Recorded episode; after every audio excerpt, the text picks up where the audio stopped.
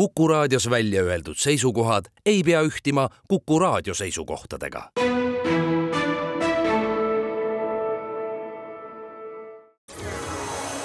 loodusajakiri, vaata ka looduseajakiri.ee. tere kõigile teile, head Kuku raadio kuulajad. loodusajakiri alustab mul on saatekülaliste üle alati väga hea meel, aga tänase saatekülalise üle on mul eriti hea meel. täna on külas zooloog, Tartu Ülikooli Loodusmuuseumi selgroogsete loomade kogude kuraator Andrei Miljutin, tervist! tere! mina olen saatejuht Tiia Rööp. ajakirja Eesti Loodus jaanuari-veebruari numbris te kirjutate sellest, miks hiired tulevad tuppa ja mida siis peale hakata tänavune talv on juba mõnda aega kestnud, meil on olnud lund, meil on olnud mõõdukaid külmakraade, on päris krõbedaid külmakraade olnud. kas ähm, need hiired, kellel on olnud vajadus tulla inimelamutesse, kas nemad on selleks talveks nüüd juba sisse kolinud? minu tuppa, minu korteris on, on küll juba kolinud nii et äh, eks need loomakesed otsivad endale soojemat äh, kohta talveks äh, sügisel, siis kui ilmad hakkavad muutuma külmemaks, siis eh, nad eh, otsivad niisugust kindlamat eh, varjupaiga, mis oleks soojem. Kas selline asi on üldse võimalik, et üks hoone teha hiire ja roti kindlaks, sest rotid on väga intelligentsed loomad ja hiired on väga head akrobaadid? maja hiire kindlaks võib teha ikka.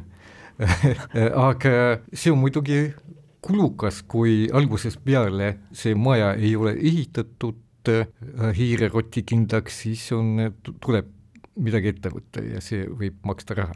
ma ükskord nägin, kuidas tuli hiir majja, et see oli tegelikult äh, ammu-ammu, siis kui olin koolipoiss ja meil oli ma-, oma maja ja seisin isikus ja läbi kinnise ukse tuli noor koduhiir sisse ja, ja, ja, ja siis kõndis sarvisse, mis oli sealsamas isikus ja pärast ma pistsin oma sõrme sinna pragusse, kust ta tuli ja mu, mu sõrm ei mahtunud sealt läbi.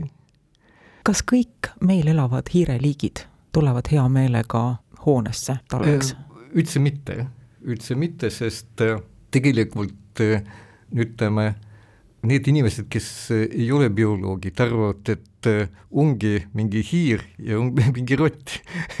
Ja ma olen kohtanud eh, inimeste reaktsiooni, et nad imestavad, et ma lähen nüüd metsa hiiri püüdma, et nende kujutuse järgi metsas või põllul ei pea, ja peakski hiiri olema, aga tegelikult need hiiri on erinevaid ja rotte nime, loominimega rott on Eestis vaid kaks liiki, aga ikkagi kaks, ja nad on erineva eluviisiga. nii et mõned on sellised, kes elavadki inimese juures ja kui inimest ei oleks, näiteks Eestis, siis ei olekski neid liike siin. Need on koduhiir ja rändrott ja kodurott. ja miks nad nüüd nii inimesega seotud on, sellepärast et et nad on lõunapoolsema päritoluga, nagu ka inimene ise, ja neil on raske hakkama saada talvel just Eesti tingimustes. aga, ja teised on sellised, kes on looduslikud ja, ja nad elavad äh, sõltudes liikidest, kas äh, põldudel või metsas ja ainult osa nendest viimastest tuleb inimese juurde talvituma ja ega nad ei tule regulaarselt, ega kõik jällegi, jälle ei tule mitte kõik, vaid, vaid mõned tulevad ja need on selle poolest erilised äh, hiired, et äh, nad on esiteks head ronijad, kes suudavad äh, siseneda hoonesse, muidugi mängib rolli ka hiirde puhul nende suurus, et nad on noh, hiired on kõik väiksed, et neil on palju lihtsam pääseda hoonesse kui näiteks või, või tuppa, kui näiteks ma ei tea, rebasel või, või karul. ja kolmas moment peale suurust ja, ja ronimise osavust on see, et need liigid, kes tulevad inimese juurde, on enamasti segatoidulised, nagu ka inimene ise. ehk kui tuleks uru hiir päris korteris ja uurihiired toituvad rohust, see on nende põhitoit, siis nad lihtsalt sureks nälga inimese juures. aga siiski ka uruhiired võivad keldris, kui nad satuvad sinna, närida juurikeid näiteks. Te kirjutate ajakirjas Eesti Loodus, et varem võisid ka lagritsad tulla meil talve eest varjule. praeguseks ajaks suure tõenäosusega lagritseid enam meil Eestis ei ole. lagrits on Euroopa jaoks endeemne liik ja, ja paraku on lugu nii, et mitte ainult meil siin Eestis ei ole lagritsa käsi halvasti käinud või käpad ei ole halvasti käinud, on looma puhul vist parem öelda, õigem öelda. samuti on see ka Euroopas, et lagritsa arvukus on tublisti kahanenud. mis need põhjused võiksid olla? Lagrits on üks unilastest, see nimetus tuli sellest, et, et loomakesed magavad mitte ainult päeval, vaid ka talvel. ja täpseid põhjusi keegi ei tea, miks lagritsad parasvöötme Euroopas hakkasid kaduma, aga Kesk- ja Lõuna-Euroopas on nad äh, täiesti alles. Lagritsa kohta ma ei oska, ma võin ainult oletada, et ta äh, võiks ka elada inimese juures, sest mujal nad äh, tulevad hoonetesse ja ka see teadaolev viimane Eesti lagrits, mis oli leitud aastal tuhat üheksasada kaheksakümmend kuus, Laitses oli kui ma õigesti mäletan, kuskil kõrval hoones, igatahes hoones. selle looma laip oli leitud. räägime nüüd sellest, mida teha, kui hiir või rott on tulnud inimesel majja ja nii empaatilist käitumist, nagu teie kirjeldate oma käitumist, mida teie teeksite, kui hiir tuleb teie elamisse, seda ei saa kõigilt eeldada. Kõik ei ole nii hiire ja roti sõbralikud, peale selle kõikidel inimestel ei ole ka niivõrd häid teadmisi, et et ühte närilist üle talve omal kodus pidada. mida te soovitate teha? no kõigepealt ma ütleks nii, et, et need hiired, kottid ei ole mingid koletised ega ma ei tea, saatana sigitised, nad on tavaliselt loomad nagu kõik muud ja midagi, midagi ütleme kohutavat selles, et need loomad tulevad teie majja, ei ole tegelikult, et kui ma mõtlen nüüd oma korteri peale, siis kõige suuremat majanduslikku kahju tõi mulle ikkagi koerakutsikas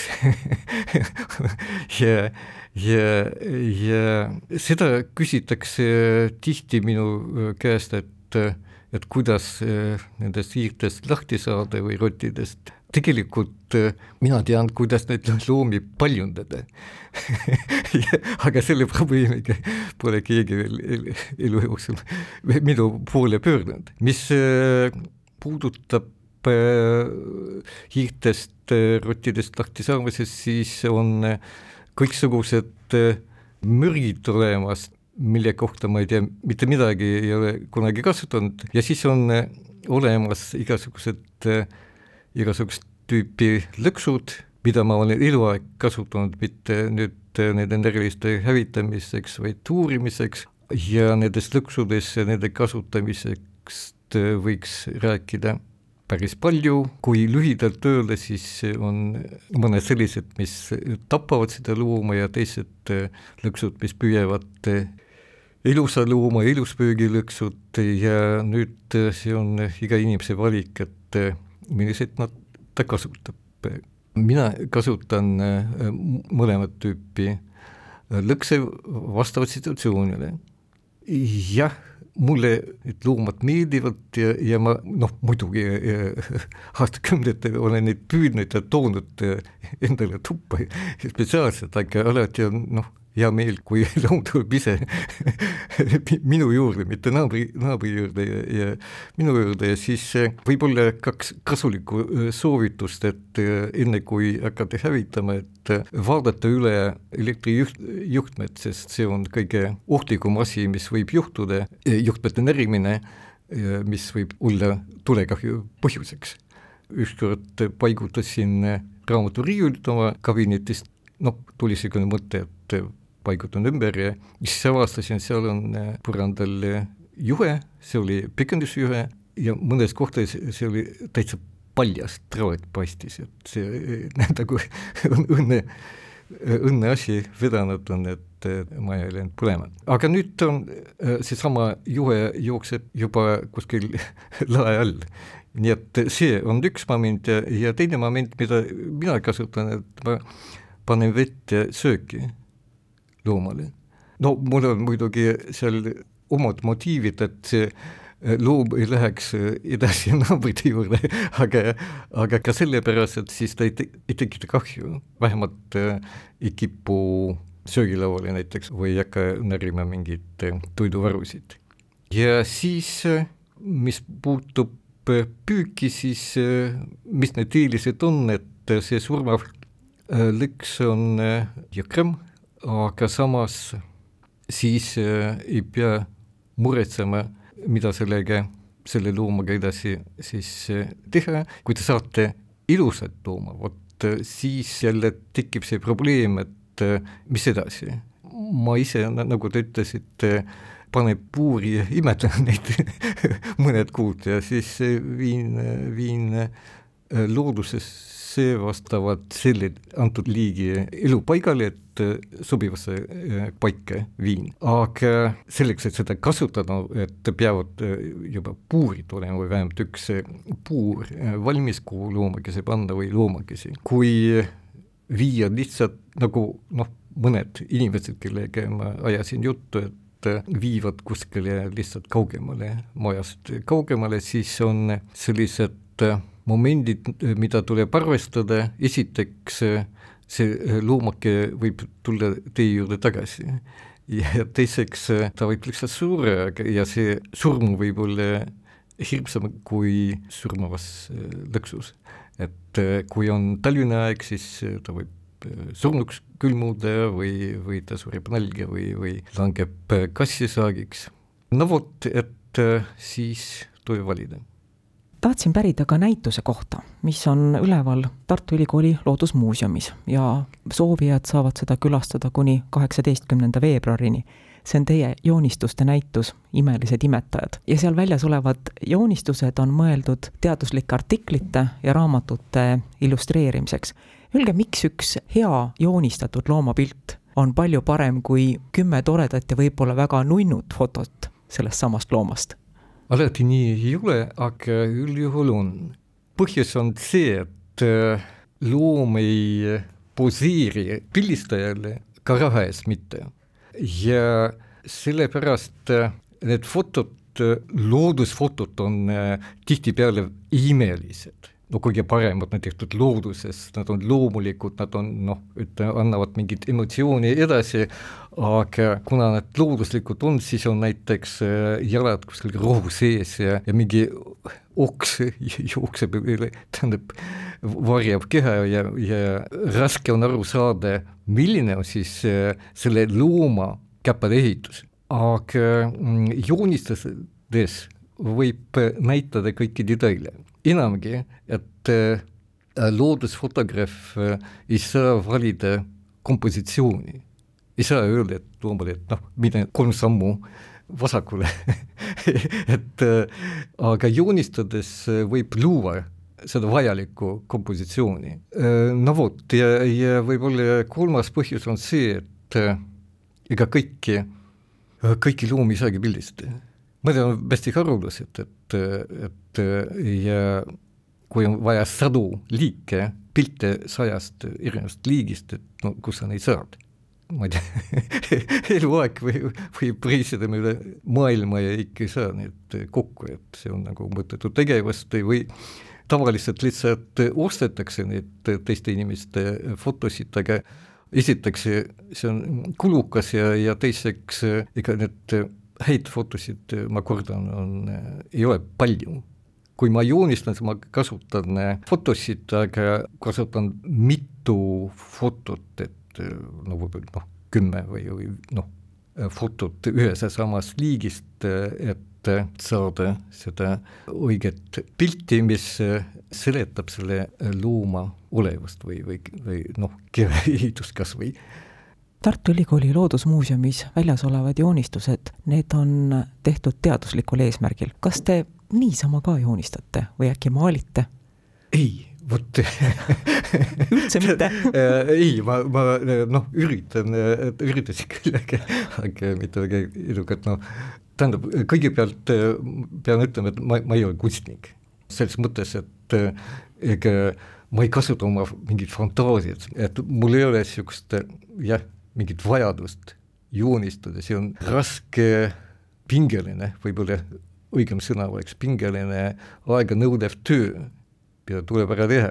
nii et ütleme, suurema pildi peale läheb umbes kaksteist tundi joonistamist, mis tihtipeale venib kuuks ajaks, selle kõrval viili joonistada lihtsalt, lihtsalt ei ole, ei ole mahti, et aga tahaks küll maas-, maastikud mind huvitavad ja, ja ma olen proovinud küll, aga, aga, aga äh, jah, lühidalt öeldes ei ole kunstnik jah eriti ei joonista, jah. ma plaanisin küsida, kes on viimane loom, kõige värskem joonistus, mida te teinud olete, aga ma muutsin meelt. milline oleks see maastik, mida te hea meelega tahaksite joonistada või maalida, kui teil tööde kõrvalt oleks selleks aega? no mind lumab see kohalik loodus ja, ja eeskätt võib-olla Vooremaa, kus ma elan, aga ka Hiiumaa ja, ja siis ka sellepärast, et ma tunnen neid kohti paremini kui, kui muid. aitäh intervjuu eest, Andrei Miljutin aitäh kõigile teile, kes te meid kuulasite. ilusat õhtu jätku, jälle kuulmiseni. Loodusajakiri, vaata ka looduseajakiri.ee